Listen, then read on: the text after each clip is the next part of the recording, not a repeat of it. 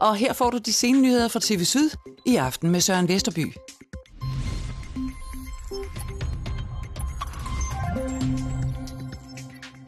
Er der noget, der er klamt, så er det, når en skraldespand myldrer med madikker. Det er simpelthen så ulækkert. Når man åbner låget, så vælger det ud med madikker. I går, der var det rigtig, rigtig slemt. Der kunne man nærmest ikke se låget for anden madikker. God aften. En ny form for affaldssortering skaber vrede i Horsens Kommune. Problemet er øh, de papirposer her, øh, som skal komposteres, de går i opløsning inde i skraldespandene. Dem har vi her, det er sådan nogle sorte plads, nogen som jeg tror, vi alle sammen kender. Men dem i Horsens, de har ventilationshuller, og så er det, vi har balladen. Den perfekte verden for madikker er skabt ved folks skraldespande. Og i Horsens, der mylder det med madikker. Og ind igennem luftkanalerne, op igennem husvæggen, der er madikker overalt. Heidi Eskerods affaldssortering har forvandlet sig til lidt af et madgemarit så kravler det jo overalt, og jeg behøver ikke engang at åbne låget, fordi de er jo kommet ud igennem reven på toppen. Og den oplevelse er hun ikke den eneste, der har. På Horsens Kommunes officielle Facebook-side vrimler det med tilkendegivelser fra utilfredse borgere. En af dem er Christina Gramborg. Det er simpelthen så ulækkert. Når man åbner låget, så vælger det ud med madikker. I går, der var det rigtig, rigtig slemt. Der kunne man nærmest ikke se låget for anden madikker. Da jeg åbnede den, så faldt der madikker ned på mine hænder og ned på fliserne øh, mens jeg havde dig på armen. Så det var sådan set en ret ulækker fornøjelse. Forklaringen er disse. Et nyt affaldssystem, som blev indført i Horsens Kommune sidste efterår, betyder, at borgerne skal sortere deres affald i fire kategorier. Hård plast, papir, restaffald og kompost. Sidstnævnte puttes i et rum for sig i papirsposer. Du har affald der i, øh, både kartoffelskrald, kartofler, madrester generelt, så er der væske i. Og i den sidste ende, så veder det jo poserne, og så går poserne i stykker, og så kommer varmen, jamen, og så kommer madikkerne. Desuden betyder den nye ordning, at skraldespandene nu kun tømmes hver 14. dag i stedet for en gang om ugen. Det er klart, der kommer der madikker i, og til sidst fluer, så når man åbner det, kan man også få sådan en duns af en fluesværm op i ansigtet. Det er simpelthen så ulækkert. Derfor håber de to kvinder, at kommunen hurtigst muligt ændrer ordningen enten plastikposer eller ostømning i sommermånederne i hvert fald. Jeg håber, at de får øh, et system om enten, at det er, at de får renset vores skraldespand hver eneste gang, så de bliver renset ud, og man starter på ny, øh, og at de så kommer en gang om ugen, så vi kan komme af med det ulækre skrald. Vi kan da kun være glade for, at det ikke har været en varm sommer i år, så tør jeg ikke tænke på, hvordan det har set ud.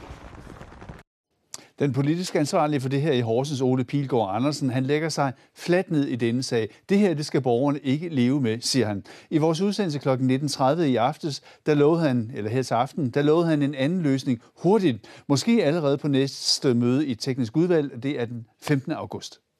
Det er ikke acceptabelt for borgerne at skal finde sig i, i øh, så de her ting. Derfor har vi allerede taget aktier på det. Og det er jo uh, i mandags, at uh, det skal vi have lavet om på. Vi uh, skal lynhurtigt til at finde en, en anden løsning. Og det er der jo andre kommuner, der har løst det problem. Og uh, der må vi også prøve at hjælpe hinanden rent kommunalt. Og uh, der er ingen grund til, at vi er to kommuner, der opfinder den dybe tallerken. Vi kan lige så godt uh, se, at der andre kommuner, vi kan få en løs- løsning. Det, der i hvert fald er vigtigt at sige til borgerne, det er ikke acceptabelt for jer, og det er vi altså nødt til at gøre noget ved. Og så til en anden sag. Karina Adspil for Dansk Folkeparti. Hun stiller spørgsmålstegn ved, om kontrollen med kosttilskud er sikker nok. Baggrunden er sagen om, at en øh, lokal producent af kosttilskud har sendt et parti D-vitamindråber til små børn på markedet. Partiet indeholder 75 gange højere koncentration af D-vitamin, end det burde. En af dem, der har fået alt for meget vitamin, er lille Ida på bare syv uger. Ida var bare to uger gammel, da hun begyndte at kaste op Ja. Der er jo ikke nogen forældre, der ønsker at se sine børn sådan der. Som Sundhedsstyrelsen anbefaler, har hun fået D-vitamin hver dag. Vi har siddet leget med hende og hygget med hende, og nej, nu skal du have din D-dråbe, hvor det er hyggeligt, og I, mm, de smager godt. Og ja, det er bare forfærdeligt at tænke tilbage på. Men de dråber, Ida fik, var Inofarmas D3-dråber. Et produkt, der blev taget af hylderne for godt to uger siden fordi det indeholdt 75 gange mere vitamin, end det burde. Jeg føler, at jeg har puttet gift ned i munden på hende. Jeg har virkelig, virkelig, virkelig haft dårlig samvittighed over. Sagen får nu folketingsmedlem Karine Adspøl til at rette henvendelse til både fødevareministeren og sundhedsministeren. Det er jo vigtigt, at man sikrer forbrugerne, at de ved, hvad det er, de får og hvad det indeholder. Selvom kosttilskud som D-vitamin er underlagt kontrol, mener hun, at der skal mere til. Når sådan noget her øh, kan ske, så virker det jo ikke som om, at øh, den kontrol er god nok. Overlæge Louise Vinding mener også, at man bør skærpe kontrollen med kosttilskud. Altså, jeg synes, at kontrollen skal være i, ligesom med, øh, med medicin, når det er noget, der bliver brugt som en form for medicin. Jakob Gjelstrup er produktionschef på Innofarma. Vi er dybt berørt af hele den her sag. Det er i sagens natur helt klart, og vi tænker selvfølgelig meget på de berørte familier og alle de gener, og de har, er blevet påført. Det er vi dybt, dybt ulykkelige over. Her er de allerede i gang med at indføre ekstra kontroller, og han er åben over for yderligere kontrol. Alle tiltag, der kan forbedre fødevaresikkerheden, er i vores interesse, så det hilser vi velkommen. Hvis alt går vel, bliver Ida udskrevet i morgen. Men jeg tror desværre, at det nok ikke er sidste gang, at vi sidder her, desværre.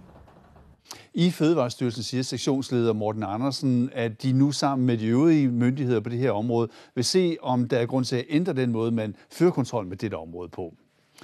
I mere end et døgn har et stort vindmølletårn blokeret trafikken på en vej i Darm ved Esbjerg, men i dag lykkedes det så at hæve tårnet. Der skulle hele tre kæmpe kraner til. Uheldet har faktisk haft konsekvenser for transportfirmaet fra Give. Klokken halv ti i formiddags skete det her. Vindmølletårnet, der havde blokeret Gamle Darmvej ved Esbjerg siden natten til tirsdag, var der tilbage på plads og kunne køre fra stedet.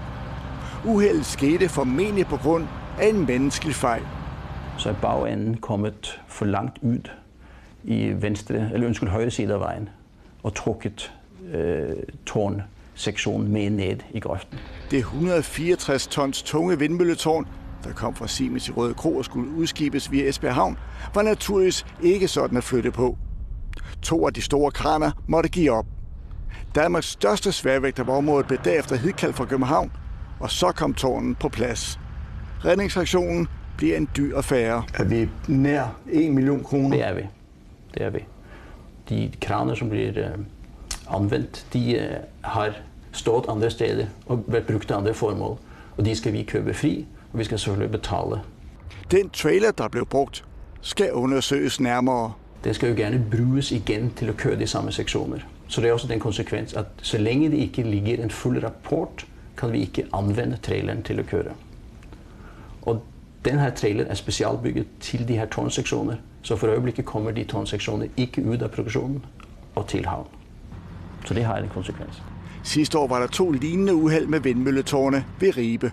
Det er første gang Give Goodwin må gå ud efter sådan et uheld. Vi slutter historien om 21 kvikke 5. klassesbørn fra syv forskellige skoler over hele landet, som i dag begyndte på børnejournalistkursus i børnenes hovedstad, Bilund. Og de er helt med, når vi snakker de nyeste muligheder på de sociale medier. Øh, vi laver sådan en Snapchat-video, hvor vi skal fortælle, hvad vi har lavet i dag. Børnejournalistuddannelsen er et uddannelsesforløb til børn, der er nysgerrige på samfundet og som brænder for at fortælle historier. Her lærer de så igennem leg om det samfund, som vi alle sammen lever i. Deres uddannelse løber i 13 uger og foregår i journalistspirernes fritid. Og med dette kig indenfor hos morgendagens fortællere slutter vi denne dags fortælling. Husk, der er flere nyheder døgnet rundt på vores website tvsyd.dk. Tak for i dag, og på gensyn i morgen.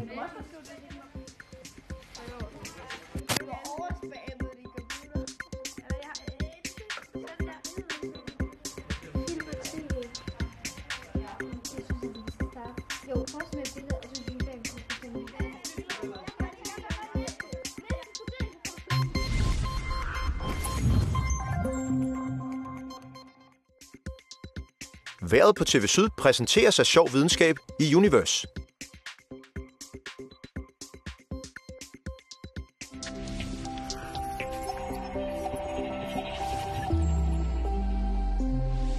Normalt dansk sommervejr, det er hvad vi byder på her torsdag. Syd- og Sønderland de får byer, der kommer og går, men bestemt også øh, mulighed for nogen sol. Vinden er øh, lidt frisk, specielt ude i vestkysten vil man opleve det som en øh, ret blæsende dag. Byerne ja, de kommer altså en en lindstrøm, og øh, de kan godt lokalt opleves lidt kraftige, men der er ikke risiko for skybrud. Højeste temperatur her torsdag det bliver med 19 øh, lokalt 20 grader, og vigtigt at fremhæve, der kommer lange perioder med tørvejr, trods alt også nogen sol.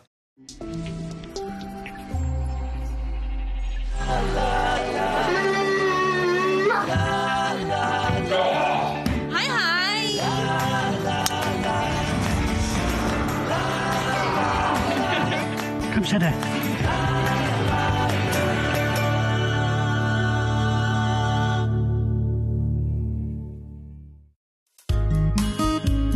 Rejs en uge til Gran Canaria med Klub Syd og Spis. Nyd poolen og de rolige omgivelser på et hyggeligt lejlighedshotel i Mas Palomas. Samtidig er I tæt på strand, shopping, restauranter og flere golfbaner. Flyv fra Billund i november eller december.